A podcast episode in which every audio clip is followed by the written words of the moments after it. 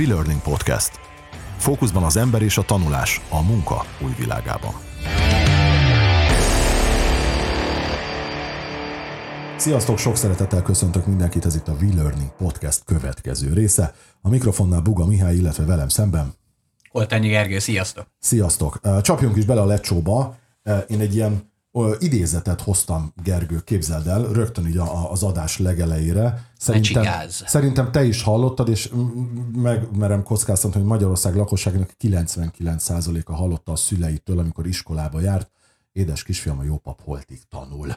Ugye, vagy tanuljál, mert azt nem lehet tőled elvenni. Ez folyamatosan volt. Nem tudom, nálatok volt-e? Igen, csak én azzal a kiegészítéssel ismerem ezt, hogy hát még a rossz.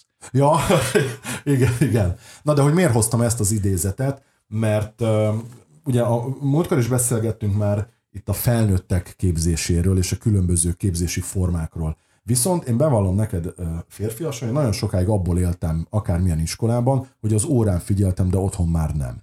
Ugye keretek közé volt szorítva, bármilyen óráról beszélünk, de nem is a módszertan felé szeretnék elmenni, hanem hogy a felnőtt képzésben te mit veszel, pontosabban a felnőttek képzésében hogy jogilag helyre tegyük ezt a kis fogalmat. Tehát a felnőttek képzésében te mit, mit veszel észre? Hogy ott is ez a helyzet, hogy, hogy ha, a, ha keretek közé van szorítva, vagy ha szabadjára van engedve mondjuk a, a, az a, nem tudom, tudásmechanizmus, akkor az jobban megmarad esetleg?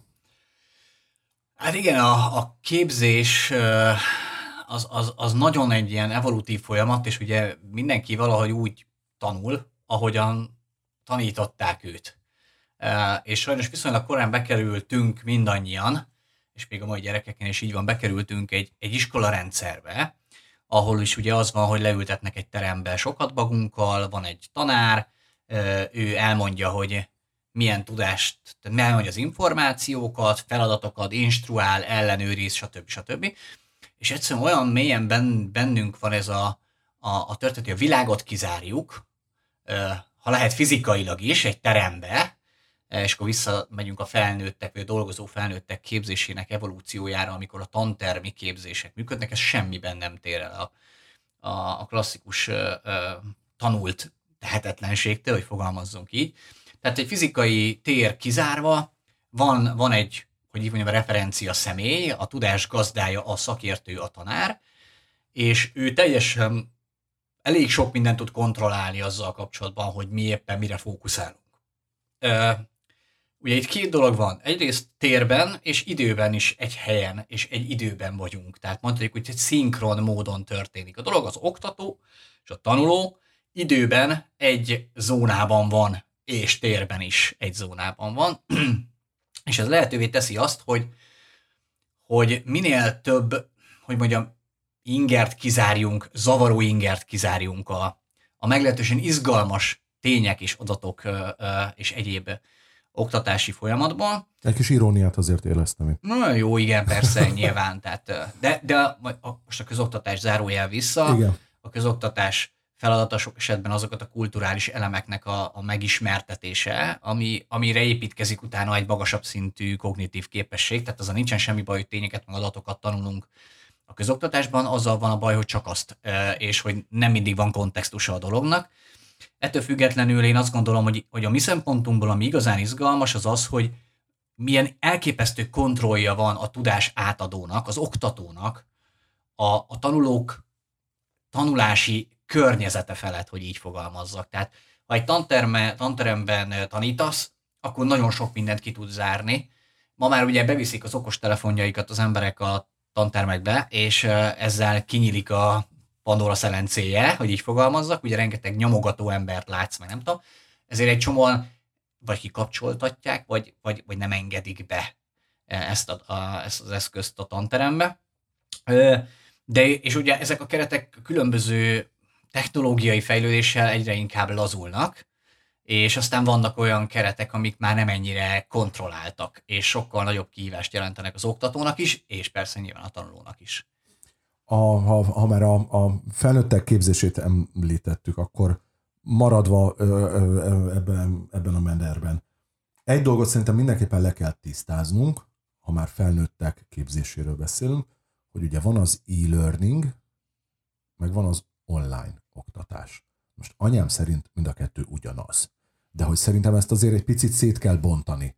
Tehát az én olvasatomban, és most te, teljesen akkor úgy mondom, mintha mi most találkoznánk először, hogy megkérdezed, az online oktatás nálam az azt jelenti, hogy én nem tudom, varrónő szeretnék lenni, és online oktatják ezt, az azt jelenti, hogy befizetek X összeget, és minden héten kapok egy videós csomagot, e-mailen feltöltik felhőbe bárhova, megnézem a videót, mert esetleg úgy van beállítva, hogy nem tudok tovább lépni, mert nem lehet beteke, beletekerni, nem tudom, és mondjuk minden héten, vagy tehát a rákövetkezendő héten meg online kikérdeznek. Mármint úgy értve, hogy a legrosszabb eset szerintem, hogy egy tesztet ki kell tölteni, semmilyen kontrollod nincs, ott a Google a jó barátod, meg nem tudom micsoda, és akkor visszaküldött. Számomra ez az online oktatás. Az e-learning pedig az, én azt gondolom, józan paraszt észre, hogy a nevében is benne van, hogy tanulás, e-learning, tehát elektronikus, tromos, nem tudom, informatikus, mindenféle dologban, hogy ez, de most hangsúlyozom, hangsúlyozom, józan paraszt észre gondolkozom. De tökéletes, amit mondtál. Igen, tökéletes, amit mondtál, mert anyukád szerintem reprezentálja a magyar, meg a nemzetközi társadalomnak a nagy részét is a kérdésben való hozzáállásban, tehát semmi meglepő nincs ebben. És én is azt mondom, hogy a szavaknak van ereje. Tehát amikor azt mondjuk, hogy online oktatás, akkor oktatásról beszélünk. Az oktatás az nekem legalábbis általában az oktatótól a többiek felé tartó e, tudásfolyam. Tehát a klasszik felveszünk egy előadást, és te megnézed otthon a gépen. Én még erőteljesebb kifejezést használnék erre. Na, ne fogd vissza. Én azt a kifejezést használom, az, az oktatás az alapvetően időben szinkron módon történik. Tehát uh-huh. az oktatás során jelen van egy oktató, és jelen vannak a tanulók. Az, hogy most ez fizikailag van egy térben, vagy virtuálisan van egy térben, az egy technikai kérdés, de időben egyszerre van jelen az oktató és a résztvevő. Tehát mondjuk azt, hogy van ugye a klasszikus tantermi képzés, amiről eddig beszéltünk, és most, amikor ugye pandémiában, minden, Igen. pandémiában mindenki ment onlineba, akkor online oktatást lett hirtelen, ami az történt, hogy tulajdonképpen fogtak egy videokonferencia rendszert, mindegy, mindegy, hogy ez Teams volt, vagy Zoom volt, vagy Google Meet volt, vagy a másik vagy 3452 Igen. videokonferencia megoldás valamelyike, és ugyanúgy ott volt a tanár, és ott voltak a diákok, vagy ott voltak a tanulók, és időben ugyanakkor történt, tehát, hogy ha te nem voltál felkészülve arra, hogy, hogy te abban az időben jelen legyél, akkor, akkor te lecsúsztál arról a képzésről. Én ezzel, bocs, én ezzel tök egyetértek, amit mondta az online oktatással, csak valószínűleg, hogy baromi bénám fogalmaztam meg. Viszont nem lehet az, hogy ez egy picit ilyen generation gap, nagyon csúnyán fogalmazva, hogy rámondják a, azok az emberek, akik mondjuk, nem tudom, ez a digitális átállás, vagy nem tudom, picit nehezebben. De hát online van, hát nem, ott megtanulod online a interneten, aztán kész. Nem? Um, nem hiszem, ez inkább egy ilyen a képzéssel kapcsolatos percepciónknak a, a, a változása. Uh-huh. Tehát ugye mi még az a generáció vagyunk, akik alapvetően a képzésben úgy szocializáltak, hogy van a tanár, meg vagyunk mi, ő tudja az információt, meg ő tud mindent, mi meg tőle tanulunk. A mi generációnk vége, vagy az utánunk jövő generációk már ugye internettel nőnek föl, és ott ugye már előfordulnak azok a csúnyaságok, hogy például azt mondja egy tanuló a tanárnak, hogy megnéztem az interneten, ez nem így van. De az de kell. E, ugye az azt jelenti, hogy megváltozott a, a, a tudáshoz való hozzáférésünk, tehát hogy nem, nem referencia személyek, nem oktatók, szakértők az egyetlen elérhető forrásai ennek a dolognak, és ez elindított egy folyamatot, mégpedig azt, hogy az önálló tanulásnak a folyamatát. Magyarul, hogy én nekem nem kell, Misi, hogy megvárjalak, hogy megkérdezzem tőled, hogy te figyelj, hogy, hogy megy egy gyártásvezető, az pontosan mit is csinál egy, egy filmforgatáson, mert felcsapom az internetet, és megnézem, hogy mit csinál a gyártásvezető, és kapok rengeteg információt, amiből én kiszelektálom azt, ami nekem kell, és akkor nekem van egy elképzelésem erről, amit persze majd validálok még, hogy biztos jó el, meg sok probléma van még a, a, a, a különböző önálló információ keresés és feldolgozási technikáknak a használatával, de van egy következő generáció, ami nem azon nő föl, hogy Misi, te tudod, tehát tőled kell megtudnom, hanem azon nő föl, hogy az interneten, régen volt egy ilyen uh, sztori, és ez szerintem neked uh, ismerős lesz, hogy, hogy uh, hallottam a tévében. Ja, igen, igen, Ugye, igen, és igen. A, mondták a tévében. Mondták a tévében. És a tévé az mint egy, mint egy referencia. Tehát egy olyan pont, Hát hogy persze. ha a tévében mondták, akkor az igaz. Ha nem volt bent a tévében, akkor az nem Ugye? igaz, az nincs. A ma ugyanennek a, a fordítottja megy, olvastam az, Az az interneten. interneten. Ugyanez. Pontosan. Tehát ugye egy, egy, új, egy új információszerzési mechanizmus jött, amitől elkezdtek önirányítók lenni az információszerzésben az emberek. Ez jó vagy nem jó szerinted? Ez nagyon jó. Ez alapvetően nagyon jó, Ha ugyanis észre van csinálva, akkor? nem, mert ő, ő testre tudja szabni saját magának. Még egyébként az oktató nem tudja testre szabni 20 embernek, 40 embernek, 500 embernek, hiszen hát ugye nem ismer mindenkit, meg nem tudja a saját előzetes tudásokat, kapcsolódási pontokat, nincs tisztában azzal, hogy kinek mi a motiváció az információ szerzésben. Az önirányító információgyűjtés, az önirányító tanulás, abból a szempontból izgalmas, hogy, hogy az belső motivációban működik, és ha jó, minden esetben a kíváncsiság hajtja. Va, te valamire kíváncsi vagy, te valamilyen problémát meg akarsz oldani.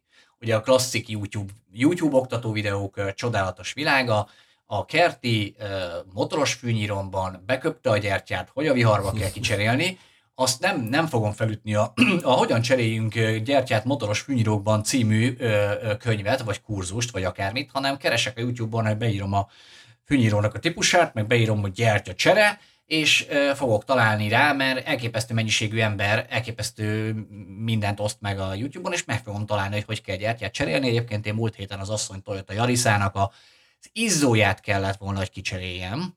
Esélyem nem lenne Eh. egy. Ezt bevallom őszintén. Őszintén szólva, Fölmentél a netre, tehát kiégett a lámpa, és kisétáltál, nem, és fölcsaptad a YouTube-ot, és megnézted?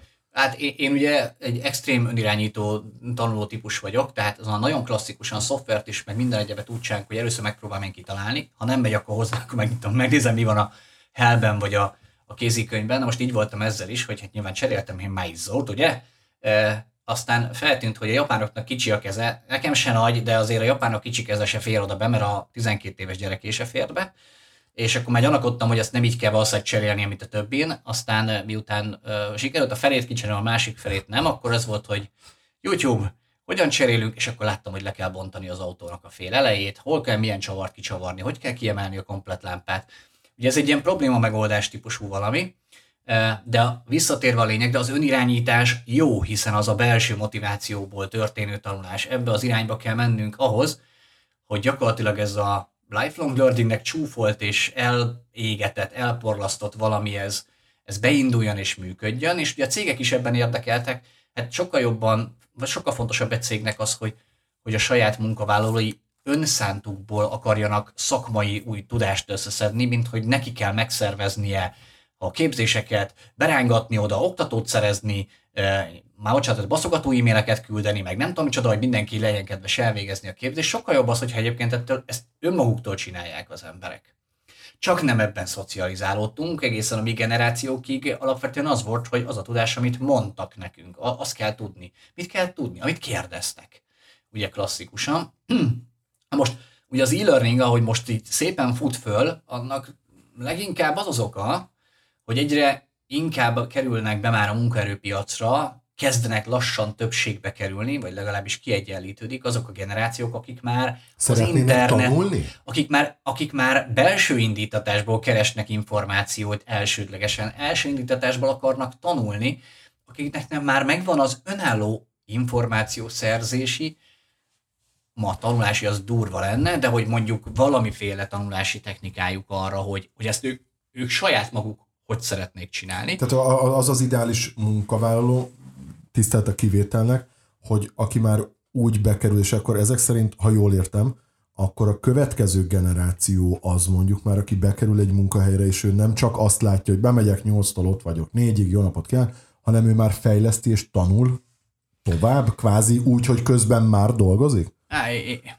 inkább úgy, úgy fogalmaznám meg, hogy a, a mostani fiatal generáció az interneten nőtt föl, ahol is senki nem tesz elé semmit készen megrágva. Nyilván nagyon sok cég és nagyon sok ö, ö, nem tudom, szervezet próbálkozik azzal, kezdve a Facebooktól, hogy én majd megszabom, hogy mi legyen a feededben, a YouTube milyen, milyen videókat rekommendál, ajánl neked, és a többi. Tehát sokan próbálnak irányítani a figyelmedet, de azért a kontroll nálad van, te tudsz kattintani, mit keresek, mire kattintok, és a többi. És ez a generáció igényli az önirányítást. Tehát majd én tudom, hogy mit szeretnék. azt látszik, hogy kezdenek elszaporodni a munkaerőpiacon, tehát most már az a generáció ott van a munkaerőpiacon, és egyre inkább ők fognak többségbe kerülni, és a kvázi baby boomer, meg X generációs, meg nem tudom, azok az emberek, akik megszokták, hogy ők ülnek fegyelmezetten, megmondják, hogy ezt kell megtanulni, akkor megtanulják. E, ezek kezdenek kisebbségbe kerülni, vagy kikopni, ezért a cégeknek el kell gondolkodni azon, hogy hogy tudom kiszolgálni gyakorlatilag ezt az újfajta információs és tanulási igényt, és ahelyett, hogy a hajánál fogva próbálnánk a 24 éves fiatal pályakezdőt végigrángatni egy céges oktatáson, ahelyett elég lenne, hogyha egyszerűen megpróbálnánk őt kíváncsivá tenni ebben a kérdésben, hogy ez számára miért érdekes, és utána már is megeszi saját maga. Azért a pandémia az, az csak segített ebben a helyzetben valamennyire, nem? Nem. Miért?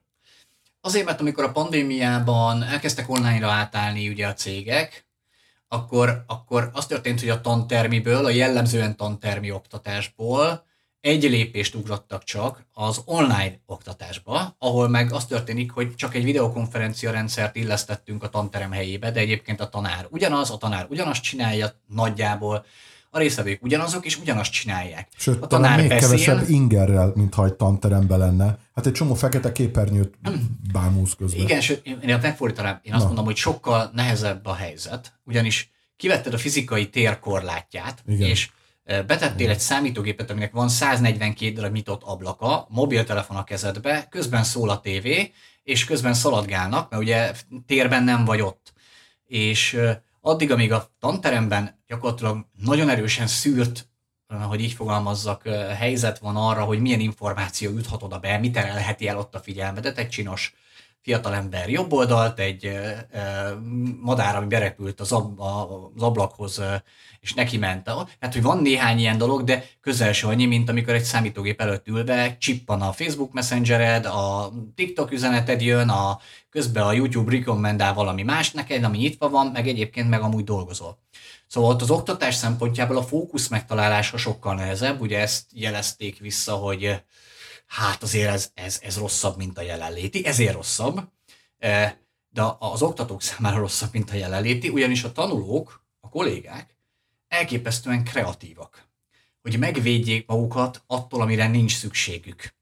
És ha a képzés nem olyan, amire szükségük van, akkor nagyon hatékonyan tudják a technológia segítségével megvédeni magukat.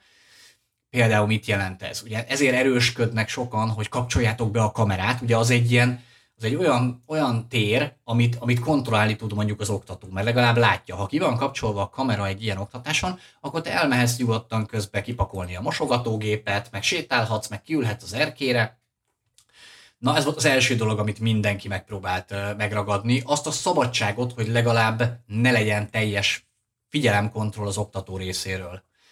Viszont ez, ez ilyen exponenciálisan hozza magával a többit. Tehát, hogy nem csak az, hogy jó, ne lássa már, hogy nem vagyok felöltözve, feltétlenül, de én azért hallgatom. Jó, de itt ülök a kanapén, itt hallgatom, hallgatom, hallgatom. Ja, tudom hallgatni akkor is, hogyha egyébként közben ezt csinálom, meg azt csinálom, és akkor a vége az az, hogy széthullott a történet. Vagy a másik meg, hogy még rosszabb a helyzet, mert egy helybe ülök így, próbálom a, a, a így vicces podcastba, de hogy így próbálom, hogy konszolidáltan látszódjak, és próbálok mindenhova nézni, és még inkább, hogy mi az... Befeszül? Igen, befeszül, és, és de ugye ennek a, ennek a megoldásnak annyi az előnye, hogy kivettük a tér és idő szinkronitásból, ami a tanteremben volt, kivettük a teret. Időben még mindig szinkronok maradtunk, tehát ha 8 órakor van az oktatás, akkor nekem 8 órakor be kell tudnom jelentkezni ugye a videokonferencia rendszerbe. Ha én nyolckor nem érek rá, mert nekem egy meetingen van, csak tízkor érnék rá, addigra véget ér az oktatás, akkor, akkor hiába nem kéne ott lennem fizikailag, de időben akkor is ott kéne lennem. Na és én azt látom, ez a paradigma kezd most igazából felbomlani. Én ebbe látok egy óriási nagy változást. Azzal, hogy ugye a, a cégek bevezették a home office-t, elkezdődött az önálló munkaszervezés. Tehát, hogy a munkavállaló már nem, nem beül, bemegy az irodába, és akkor ott hanem már, már saját időbeosztásunk kezd lenni. Nyilván igazodunk még rengeteg mindenhez, meeting időpontokhoz, kivel mikor tudunk beszélni, kontaktálni, hogy tudunk dolgozni, de elkezdődött az önálló idő szervezés, munkaidő szervezés forradalma. Szerintem ez itthon ez óriási dolog. Ez, ez egyébként egy, egy, egy mindennél nagyobb változás. Hogy meg, meg, meg tud dőlni az a, a tisztelt a kivételnek, hogy a magyar munkavállaló csak akkor teljesít jól, ha te bent ülsz az irodában 8-tól, nem tudom meddig. Igen, és ezt mondtuk múltkor, hogy a tanulásra is ugyanez igaz. Tehát a, régi paradigma szerint te akkor tanulsz, hogyha ott állnak felőtted, mivel bunkós bottal, és hogyha kicsit balra néz, akkor puf, Igen. idézőjelbe téve, tehát nyilván az idézőjelben van téve. Most én, én arra számítok is, ugye van az online oktatás, az nekem a szinkron, térben, de időben szinkron, de térben bárhol lévő oktatás. És van az e-learning, amiről picit ö, ö, keverve te az elején beszéltél a varrónő képzéses Igen álmodban, amelyhez ezúttal is gratulálok, egyébként nagyon jól fizetnek a varrónőknek. Nem, nem viccel, piaci rés, a férfi varrónő, ez egy, egy mondatba le, levezetve érdekes, gondoltam így másodállásban. Igen. De ez hogy jön az e-learninghez? Úgy, hogy, hogy az, amikor azt mondod, hogy felvették egy videót, és neked azt elküldik valamilyen módon, az már asszinkron időben is. Azt a videót máskor vették föl, mint amikor te meg fogod nézni. Ez, az tény is való. Tehát neked igazából saját időkeretei vannak. Maximum azt fogod megkapni, hogy ezen a héten ezt a leckét kell feldolgoznod. Kettőig nézd meg, igen. De az, az nincs megmondva, hogy ez, ez csütörtök reggel 8 óra 20 8 óra 30-ig kell megcsinálnod. Tehát azt mondod, hogy kaptál egy időkeretet, és azon belül valamin belül, de azért önirányítasz, önszabályozol. Hogy igen, én nekem ez ekkor jó. A, az e-learning az tulajdonképpen azt csinálja, hogy teljes szabadságot ad a tanulásban. Tehát te időtől és tértől függetlenül csinálhatod a képzést. Nyilván vannak bizonyos kereteid egy e-learningben is, hiszen van valamilyen határidő, ameddig meg kell csinálnod a képzést, ha van. Az önfejlesztésben például nincsen. De, de az e-learning az a legszabadabb képzési forma. Ilyen, ilyen értelemben. És, és emiatt a legnehezebb képzési forma. Azért nehéz, mert úgy kell megtervezned, amikor elkészíted az e-learning oktatást, ami egyébként anyag, tananyag formátumában ölt testet, de abba bele van tervezve minden oktatói tevékenység. Az információk rögzítve vannak, át vannak adva. Mindegy, hogy ezt videóban mondjad el, vagy szövegesen van leírva, rögzítve vannak az információk, megvan a sorrendje, milyen sorrendben dolgozott föl. Megvannak az instrukciók, és az oktató ugyanúgy beleírhatja, hogy és most létszes menj el ki, húzd le a WC-t, gyere vissza, és mondd meg, hogy hány másodpercig tartott nem tudom, még ez a példa jutott eszembe, de ez így most így jól hangzott. Tehát instrukciók is benne vannak. A lényeg, hogy gyakorlatilag te kapsz egy itinert, hogy mit csinálj, és te azt csinálod. De senki nem kontrollálja azt, hogy á, te azt végigcsináltad. Megpróbálják a cégek persze az e-learning keretrendszerekben megmérni, hogy azt a leckét elvégezted el, megcsináltad el, stb. Főleg a videós tananyagoknál, ahol megpróbálják mindenféle eszközökkel lehet ellehetetleníteni, hogy te ne oda fókuszálj. Egyébként ez a kedvencem ilyen kötelező továbbképzési rendszerekben láttam, tán könyvelőknél, meg ilyesmi, ilyen helyeken, hogy videós az oktatás, Igen. az én kedvenc beszélőfejem. Oh. Jó, meg, és akkor a következő az is már 20 perce beszélek ezen a hangon, és közben egyébként itt mutogatom a PPT-t, Misi meg horkol, de hogy ugye azt csinálják meg a rendszerekben, hogy nem veheted el a fókuszt erről az ablakról, erről a böngésző ablakról, hogy hát kattintasz egy másik lapra, vagy egy másik ablakba, akkor megáll a videó. Sőt, uh, bele sem tudsz tekerni, ez az, amit... Igen, nem tudsz beletekerni se, és időnként egy ilyen megállító kérdés jön föl, hogy te erre válaszolj, mert addig nem megy tovább. Tehát így próbálnak gyakorlatilag a fókuszodat, hogy megtartsák. Na most láttunk sok ilyet, adataink is vannak róla. A, a, a tanuló mindig kreatív, és mindig jól működik az önvédelmi mechanizmus megoldották. Fogtak egy másik számítógépet, lerakték az asztalra, elindították rajta a videós oktatásanyagot, lehalkítva, kifordítva ne is lássa, a másik gépen pedig dolgozik, mert az, az értelmesebb. És aztán időnként odafordul, kitölti a feladatot, ezért le van tudva. Meg tudja csinálni, hogy úgy megy végig az oktatás, hogy no control. Igen. Szóval amikor az e-learningről beszélünk, az online oktatással szemben, ami egy formája, hogyha halmaz elméletbe akarnám tenni, akkor azt kell, hogy lássuk, hogy az e-learninget nagyon jól kell megtervezni ahhoz, hogy mint egy marketing úgy működjön az oktatás, mint úgy tudjam befolyásolni, anélkül, hogy én ott lennék térben, vagy szabályoznám időben, vagy a fókuszámat, hogy a magától megtegye azt, amit én szeretnék, hogy tegyen. hogy abban a sorrendben dolgozza föl, hogy ezekre a kérdésekre adjon választ, hogy ezt csinálja meg, hogy ezt nézze végig, arra reflektáljon úgy, abba olyan érzelmei legyenek, hogy eh, ebben a pillanatban. Tehát amit én akarok, az bele kell terveznem az anyagba. És ha én ezt jól csinálom, akkor a másik oldalon nélkülem is, az én eh, korbácsom nélkül is így fog működni a tanulók többségénél az oktatás, és azt, a cél, azt az eredményt fogja hozni, amit én megterveztem ebben.